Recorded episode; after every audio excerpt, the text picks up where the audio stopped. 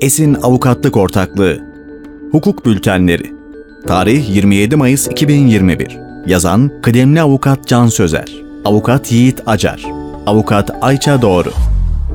Türkiye İlaç ve Tıbbi Cihaz Kurumu beşeri aşıların klinik dışı değerlendirmesine ilişkin kılavuzu güncelledi. Yeni gelişme.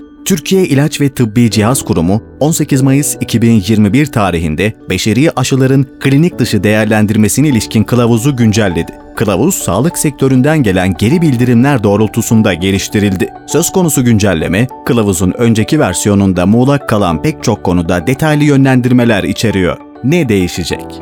Güncelleme ana hatlarıyla aşağıdaki gibidir. Aşı araştırma grupları aşı denemeleri sırasında deney hayvanlarının refahını gözetmelidir. Bu sebeple deney hayvanlarıyla yürütülecek klinik dışı aşı çalışmalarında 3R yani azalt, arıt, yenile ilkeleri göz önünde bulundurulmalıdır. Karakterizasyona ilişkin olarak kalite kontrol testlerinde farmakopeye monografları hem ulusal hem de Dünya Sağlık Örgütü, Uluslararası İlaç Uyum Konseyi ve Gıda ve İlaç Kurumu gibi uluslararası rehberler dikkate alınarak hazırlanmalıdır. Bu gibi rehberlerin gerekli bilgiyi içermemesi halinde şirket içi spesifikasyonlar uygulanmalıdır. Stabilite testleri uzun dönem hızlandırılmış ve stres koşullarında iyi imalat uygulamaları gözetilerek gerçekleştirilmelidir klinik araştırma boyunca ürünün stabilitesini destekleyecek yeterli veri sunulmalıdır.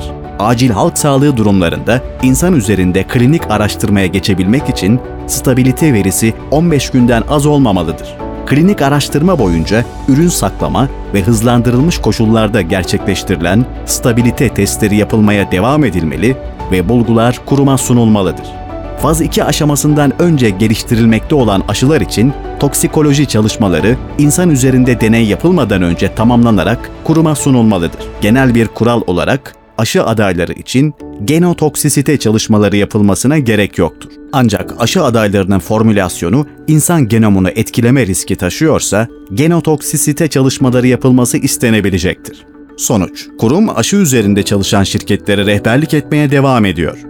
Bu alanda çalışan tüm ilgili şirketler, kurumun duyurularını dikkatle incelemeli ve yükümlülüklerini yerine getirmek adına gerekli adımları atmalıdır.